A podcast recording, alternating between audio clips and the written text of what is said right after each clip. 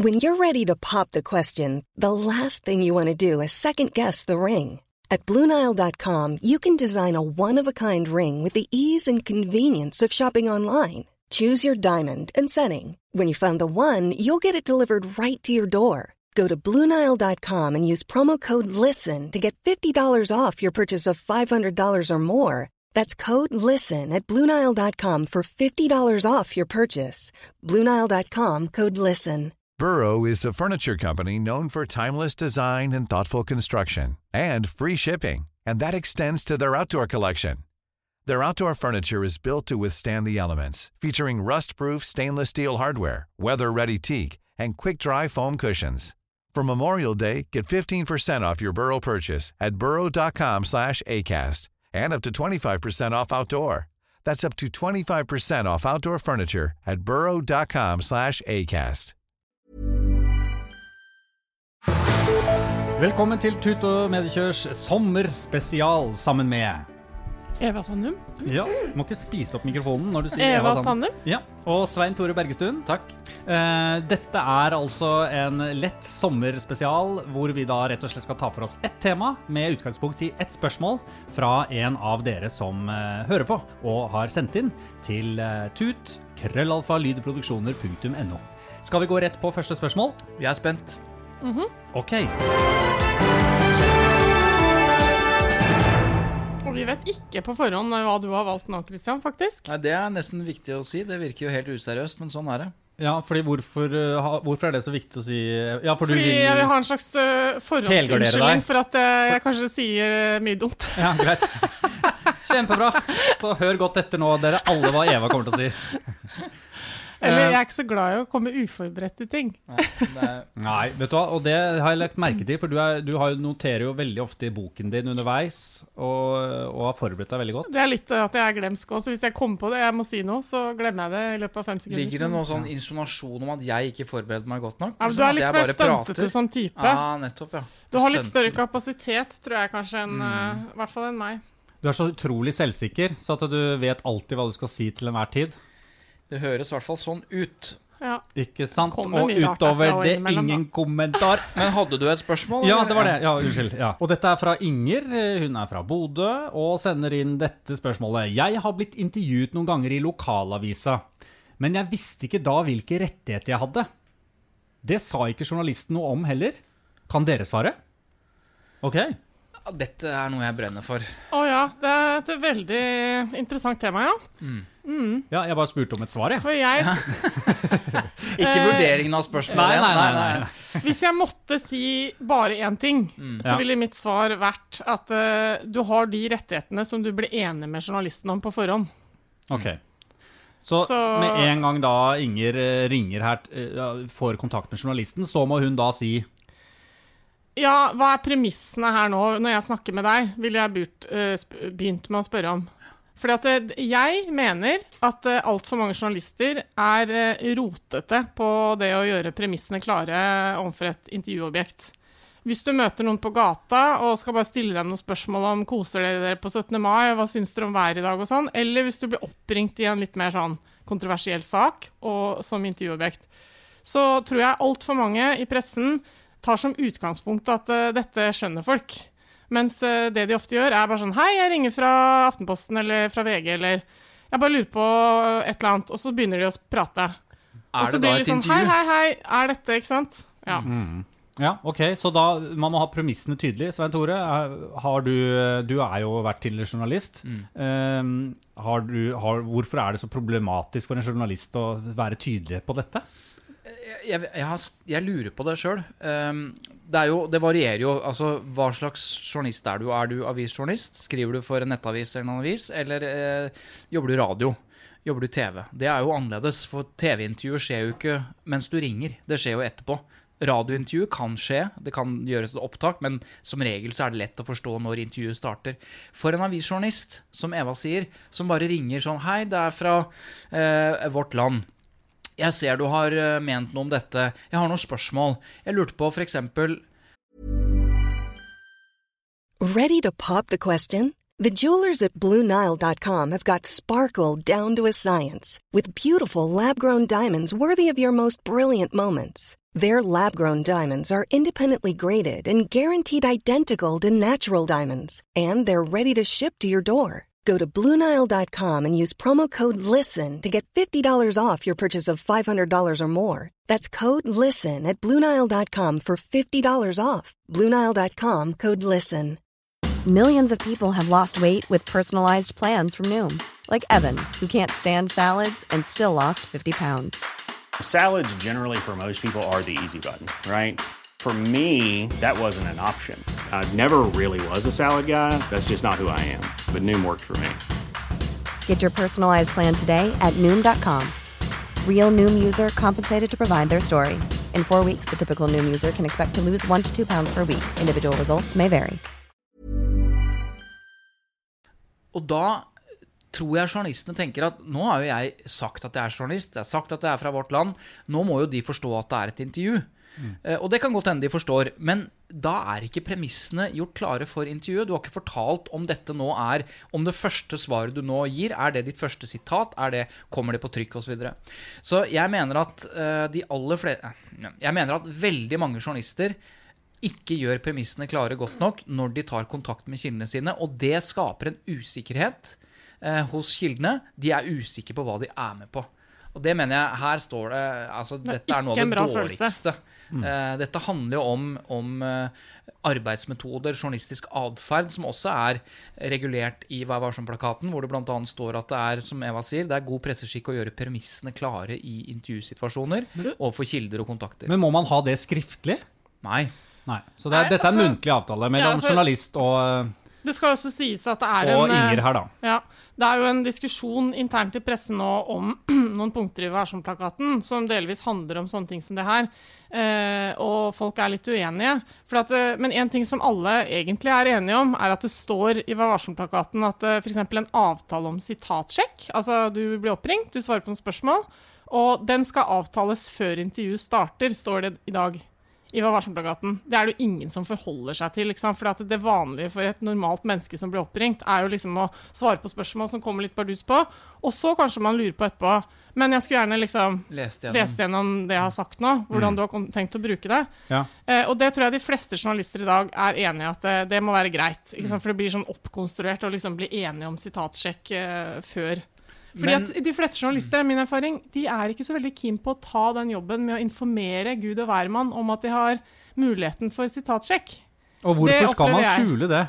Nei, det hva skjønner er ikke greia jeg med det, heller. da? Men det er jo tids... Uh, Ja, det er det det handler Det er om. jo- Det er veldig ja, plagsomt. Det er, det er, altså Sett deg inn i, i, i situasjonen til en journalist som dekker et, et næringsliv eller dekker et eller annet felt, da, hvor man møter masse journalister som Nei, masse kilder som jo er vant til å bli intervjuet. Selv om man er vant til å bli, intervju, eh, bli intervjuet, og spesielt hvis man er vant til å bli intervjuet, så er det veldig mange som spør om sitatsjekk. Da skal de kontrollere at de sitatene er i tråd med det de sa, men de skal også ha muligheten til å endre litt, sånn at det blir litt bedre. Og det er et mas altså, for mange journalister. ja. De har kanskje stilt noen enkle spørsmål, og så skal de på død og liv sende av gårde de sitatene, og så får de masse rødpenn tilbake igjen. Altså, nei, jeg vil heller si det sånn og sånn. Og det er jo et, Ja. ikke sant? Men nå snakker vi med utgangspunkt i Inger, som er en, det vi kaller en uerfaren kilde, og spør hvilke rettigheter har jeg. Eh, og da får hun jo, som Eva sier, som regel hvis hun spør Jeg skulle gjerne hatt sitatsjekk på dette, selv om hun ikke har avtalt på forhånd. Men hun har ikke noe rett til det. Og hun har heller ikke rett til vi har snakket om det i en tidligere eh, episode, om du har rett til å trekke intervjuet hvis du plutselig får kalde føtter, eller du syns at dette gikk feil vei, eller du sa ting du angrer på, eller hva det måtte være. Og da har du jo utgangspunktet ikke lov til å bare trekke intervjuet, med mindre du har gjort en klar avtale på forhånd om at jeg skal liksom godkjenne, eller jeg må tenke meg om, eller ja. En avtale er jo, det er jo en avtalefrihet, og den må jo holdes, da. Ja, for svakheten her er at uh, en journalist som har utført et uh, intervju, har ganske mange rettigheter på sin side. Altså, da har du svart. Da eier jeg uh, mye av det du har sagt til meg, ikke sant. Men det forutsetter jo at journalisten har gjort alt riktig når premissene legges. For at eh, hvis, du, hvis du ringer til en person og sier 'Jeg vil gjerne stille deg noen spørsmål', nå starter intervjuet. Og så er eh, situasjonen sånn at alt du sier, blir helt korrekt sitert. Da er det jo i prinsippet prinsippet ikke noe grunn for sitatsjekk, så lenge den journalisten da gjengir deg helt korrekt. Eksempel, hvis man har tatt opp intervjuet, så er det jo ikke noe spørsmål om hva som blir sagt eller ikke. Nei, men utfordringen sånn som det er i dag i presseetikken, er jo at eh, praksis er jo at sitatene ofte blir gjengitt. Ikke helt ordrett. Ikke helt sånn som de er sagt. Ikke sant? For de er kun forplikta til å gjengi meningsinnholdet i det intervjuobjektet har sagt. Eh, Og så skal direkte sitater gjengis presist. Det er det som står. Men praksis i dag er veldig varierende på det. For at det betyr at eh, du kan si ganske mye, sånn som folk flest gjør når de skal svare på noe. Spesielt Svein Tore. Alltid veldig lange svar. Det er sant, det. Jeg, jeg jeg sliter så med å klippe de svarene dine. Og, ikke sant? og da, da klipper du på en måte han eh, Eller hvis du skulle gjengi det i avisa, ikke sant? så er du nødt til å velge ut det du opplever at er det viktigste av det han sier. Og da kan jeg tenke at nå, det der jeg sa der, det sa jeg jo en, med det premisset i en annen sammenheng. Det, det hang jo på det første jeg sa. Så når du skriver det på denne måten, så blir det jo feil. Nå blir jo meningsinnholdet feil, kan jeg si da når jeg får sitatsjekken. Du tok Og- bort noe ikke sant? Ja. som var viktig for meg. En nyanserende ja. men, men, detalj. men jeg opplevde en gang øh, å få bare sitatene, altså én setning, øh, som var mitt sitat. Ja. Men da fikk jeg jo null inntrykk av saken. Det er det eneste du har eh, krav på hvis du har blitt enig med journalisten om sitatsjekk. Så er det egentlig bare dine egne sitater du får. Det er ingen journalister som liksom forplikter seg til å gi hele, Hele saken. saken. Men, Men samtidig, mange gjør det. det er jo et godt råd, da. Når du blir enig om, med journalisten om en sitatsjekk, så sier du ikke bare det. Du sier forutsetningen for at jeg skal gjøre det intervjuet her, det er at jeg vil se mine egne sitater, og jeg vil se de i sammenheng. Altså, jeg vil se hva som kommer foran sitatet, og hva som kommer etter, for å forstå hvilken sammenheng dette er. De blir Og hvis journalisten da sier 'det får du ikke', fair, og da kan du si 'da vil jeg ikke gjøre et intervju'. Eller journalisten sier 'det kan jeg gjøre', og da må hun gjøre det. Da, altså de holder avtaler. Jevnt over så er, er, er avtaler hellig. ikke sant? Så du må bare ta litt ansvar for å legge premissene klare, hvis ikke journalisten gjør det, som egentlig har ansvaret for det. Og, og i, da når Inger uh, inngår en sånn avtale, gjør et intervju, får tilbake saken, hvor stor rettigheter har hun da til å endre masse der? I utgangspunktet så kan hun jo ikke endre med mindre hun da er helt sikker på at hun ikke sa det som står der. Nei, så da er det faktafeil eventuelt hun kan Ja, ikke bare faktafeil, men hvis det står at hvis hun sa 'jeg er litt overrasket', og så blir hun sitert på 'jeg er sjokkert', så vet hun jo at 'dette har jeg ikke sagt'. Og da kan hun si 'dette kan du ikke skrive, for dette har jeg ikke sagt'. Nei. Eller faktisk også hvis journalisten spurte ja, er du overrasket, og hun tenkte seg om litt og sa ja, jeg er vel kanskje det, så er det egentlig ikke riktig at uh, journalisten da skriver det om til et utsagn fra henne som sier jeg er overrasket. Ja. Fordi det har hun ikke sagt. Men dette skjer jo hele tiden, da. Og, Og det, det er jo lov i Norge å gjøre det sånn. Ikke, hvis du setter det som et sitat, noe du har sagt som du ikke har sagt, så er jo det egentlig ikke greit. Noen vil argumentere for at, me at du mente jo det, du bekreftet jo at du var overrasket, så derfor kan du si at meningsinnholdet er ivaretatt. Men du kan jo si at du kan jo henvise til hva som plakaten som sier ja, men direkte sitater skal gjengis presist. Og det presise jeg sa, var ja, kanskje det. Altså ikke 'jeg er overrasket'. Det er ganske stor forskjell på det. Da må egentlig journalisten skrive på spørsmål om hun er sjokkert, svarer uh, Inger. Eh, ja, det er jeg nok. Eller noe sånt. Ja, ikke sant? Men tilbake til spørsmålet til Inger. Hvilke rettigheter har jeg? Altså Det som vi har snakket om nå, står, i, står altså i punkt 3.3 i Vær varsom-plakaten, som omhandler på en måte, journalistisk atferd. Men det viktigste i det punktet står til slutt. Der står det, og dette er grunnen grunn til at det kan bli krangel, da. Redaksjonen selv avgjør hva som endelig publiseres. Ja? Det er viktig å Det er vite. ikke, det er ikke deg, Inger. Nei, det er ikke Inger som avgjør hva som endelig blir publisert. Eller blir publisert. Og det gjelder jo også overskrifter, ingresser, som ofte er vinklet ganske hardt. ikke sant? Og bilder. Og bilder, bruk av bilder osv. Hvis det ikke er gjort noen avtaler, som jo det er helt vanlig at det ikke gjøres noen avtaler, så er det jo redaksjonen som bestemmer hvordan de setter sammen dette, hvordan de presenterer det, hvordan de forteller det. Det er pressefrihet, det er ytringsfrihet, og så får du bare akseptere at du er en del av det. Eh, og sånn er det jo, og, det, og, og dette er jo grunnen til at jeg mener at journalister bør være veldig mye tydeligere med kildene sine og kontaktene sine om hva som er et intervju, hva som er bakgrunnssamtale. De bør gjøre premissene mye klarere, fordi det er viktig for å bygge tillit.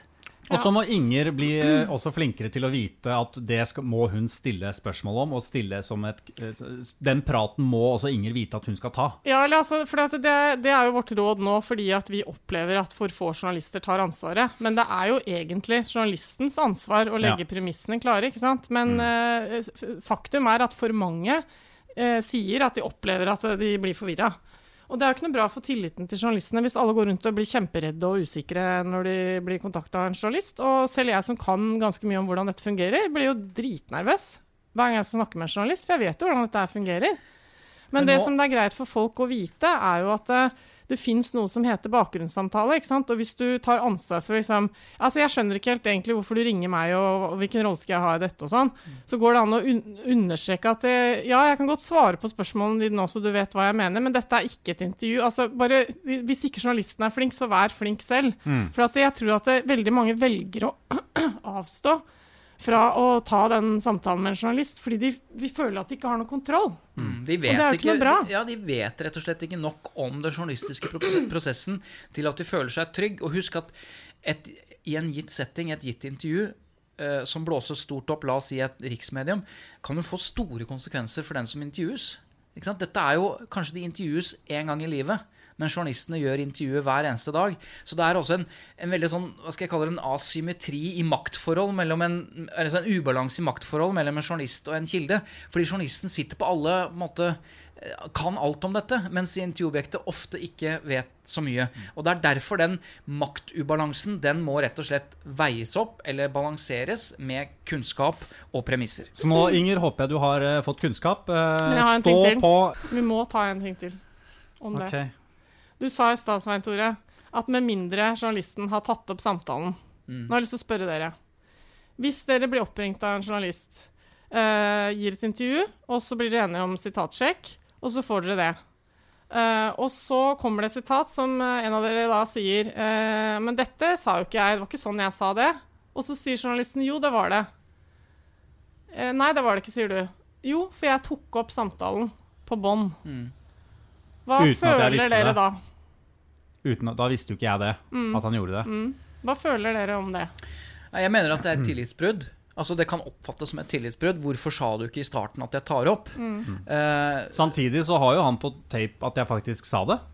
Så- ja, men spørsmålet er om det faktum, ikke hva som ble sagt, men det faktum at han tok opp, er et tillitsbrudd at han ikke fortalte om. Samtidig så har jo altså alle i Norge, enten du er journalist eller hva du er, har jo rett til å ta opp en samtale som du selv er en del av. Det er av. ikke et eh, juridisk brudd, nei. Du har lov til å ta den opp. Men jeg spør bare hva dere hadde, og Ja. hvordan dere hadde opplevd det. Nei, jeg det- syns ikke det er ryddig. Jeg synes det er ryddig Nei. å si at denne samtalen tar jeg opp for, for begges beste, så slipper jeg å vi være i tvil om hva som blir sagt. Men Men jeg vil vet ikke det da stresse deg litt, når du med en gang får vite Jo. at samtalen Og, og blir jeg, tatt opp? jeg vet Nei. med erfaring at uh, det er mye bedre for meg å spørre om tilgivelse enn tillatelse. Det er jeg helt uenig. Ja, men det, det har jeg min erfaring i forhold til hvis jeg skal gjøre opptak med noe veldig touchy ting. Så er, eh, så er det som om noen setter på en sånn lås eh, hvordan man uttaler seg. Hvis du i forkant lager et veldig sånn stort nummer ut av at nå skal du intervjues, nå skal jeg Så, så det, er, det er jo erfaringer der ute fra. Ja, Men jeg har sam- at, Dette må jeg nesten si. Her er jeg så grunnleggende uenig med Christian. Jeg har også masse erfaring med å ta opp og intervjue mennesker på bånd gjennom radio øh, øh, i mange år. Og jeg har tvert motsatt erfaring. Og det handler om hvordan du kontaktetablerer. Når jeg sier at jeg skjønner at dette er vanskelig, og så forklarer jeg at jeg har tenkt å ta det opp på bånd fordi sånn og sånn og sånn, og forklarer nøye det. Og så setter jeg på båndet, og så uh, bruker vi lang tid på å gjøre premissene klare og sånn og sånn. Når vi først da skal gjøre intervjuet, så har vedkommende ikke lenger, tenker ikke lenger, vedkommende lenger på at det går på bånd. Han eller hun har blitt trygg på denne prosessen, så jeg har stikk motsatt erfaring. Og det å si etterpå for meg, som journalist, å si By the way, jeg ville ikke fortelle det i starten, for jeg var redd for at du skulle bli stressa, men jeg har tatt opp alt på bånd, jeg håper det er greit at jeg bruker det. Da kan man selvfølgelig oppleve at folk sier det er greit, men jeg, hadde jeg vært intervjuobjekt, så hadde jeg sagt det syns jeg du kunne sagt på forhånd. Ja, da. Så jeg Det er, er det jeg helt tenker, uenig for i eh, tilnærmingen. For journalister eh, sammenstiller jo sine egne notater og det å ta på bånd Ikke sant? Og, og i, i teorien så er det riktig, hvis du bare skal bruke det for å gjengi sitatet eh, riktig og intervjuobjektet riktig.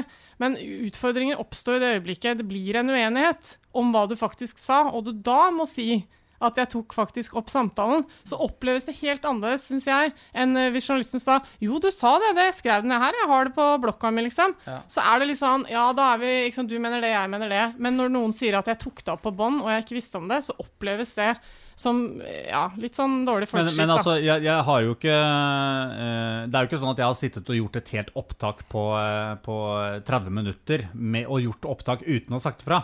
Det jeg, eh, har opp, det jeg har gjort veldig god erfaring med, det er å ringe opp personen da, eller møte personen, men da ser du at jeg har på øretelefoner, så da er jeg Ja, ja, veldig synlig. er det det Så er den, den er grei. Ja. Mm. Men på telefon, og så ringes vi, og så er det på en måte den første hei, hei, hei, hei, og så eh, sier jeg ringer for det og det, og så er det første det er det bare den første reaksjonen til den personen som eh, Og etter at jeg har fått den, så sier jeg Og forresten, jeg tar opp. Eh, jeg vil ikke ta, uh, bruke noe av dette hvis ikke du tillater det, men uh, jeg, har ta, jeg tar opp resten av denne Eller tar opp denne samtalen. Ja, det er jo et annet grep. Du mener at et grep hvor du skal få første initielle Ja. Hallo, det er sånn at du skal få den starten. Ja. Det, okay, det, det kan man forsvare ut fra at du rett og slett Altså Selve lydbildet ditt, fortellingen og dramaturgien i det radioprogrammet du skal lage, så er det gøy å kunne at han tar telefonen. Og da kan du ikke si fra før han svarer nærmest at 'Oi, jeg, forresten, jeg tar opp'. Det skjønner jeg. Men, men, å, men, men å gjøre et helt intervju ja da. i håp om at man liksom ikke Kommer eh, unna Ja. Nei, ja, ja, nei, nei det, liksom det hadde jeg ikke følt godt på. eh, Nei, okay. Det er helt greit, syns jeg, jeg. at noen tar opp en samtale hvis de aldri skal bruke det til noe annet enn for seg selv, og aldri heller konfrontere noen med det, eller aldri publisere det. Men problemet er jo at med en gang du bruker det for å kunne bevise i ettertid overfor et intervjuobjekt som ikke visste om det, at jo, det var det du sa. Det er veldig vanskelig å unngå at du kan komme i den situasjonen. For grunnen til at du tar opp, er jo liksom for å dokumentere Jo, du sa det. Mm. Og da kan du veldig fort komme i den situasjonen at intervjuobjektet opplever det som et sånn tillitsbrudd, da. Men eh, for å avslutte denne biten her, da. Ta opp eller ikke ta opp for å eh, styrke rettighetene til, til eh, den som eh, blir intervjuet. Altså, før i tiden så ble heller ikke politiintervjuet tatt opp, altså avhøret. Det fantes ikke opptak av avhøret. Det skjønte man etter hvert når man skulle teste hva som faktisk skjedde i det intervjuet. At det, det, sånn kan man ikke ha det. Så nå tas alle intervjuer opp på bånd. Og jeg mener det at det er ganske, bør være ganske likt med journalister. At det er bare alt å vinne på å ta opp en samtale og være åpne om at man tar opp samtalen. For da vet du jo hva som har skjedd i intervjuet. Ja. Tenk om Sofie, som ble intervjuet av VG, at VG sier vet du hva, nå, nå vil jeg snakke sammen, og så setter jeg på opptakeren, så vi er helt sikre på at Ja, hun som var i Giske-saken. Mm. Hvis vi hadde hatt opptak av den samtalen, så hadde vi alle visst hva som ble sagt og ikke sagt, og hva som ble ment og ikke ment. Men det vet vi ikke. Så eh, kjære Inger, takk for ditt spørsmål. Eh, nå har vi gjort deg skikkelig paranoid. Du skal altså stille massevis av spørsmål, stille vanvittige krav, eh, og så kan du si ja til intervjuet. intervjuet. Yes. Eller sagt på en annen måte, gjør premissene klare hvis ikke journalisten gjør det. Ja. Tut og mediekjør, eh, dette var sommerspesial. Over for denne gangen. Kort og eh, greit.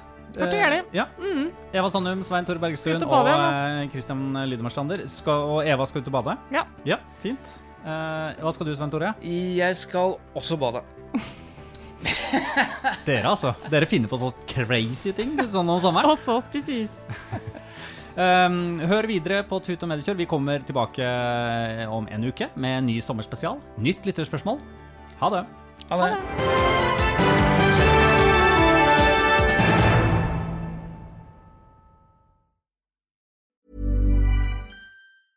Cool fact a crocodile can't stick out its tongue. Also, you can get health insurance for a month or just under a year in some states. United Healthcare short term insurance plans, underwritten by Golden Rule Insurance Company, offer flexible, budget friendly coverage for you. Learn more at uh1.com. Planning for your next trip? Elevate your travel style with Quince. Quince has all the jet setting essentials you'll want for your next getaway, like European linen, premium luggage options, buttery soft Italian leather bags, and so much more. And it's all priced at 50 to 80% less than similar brands. Plus, Quince only works with factories that use safe and ethical manufacturing practices. Pack your bags with high-quality essentials you'll be wearing for vacations to come with Quince. Go to quince.com slash trip for free shipping and 365-day returns.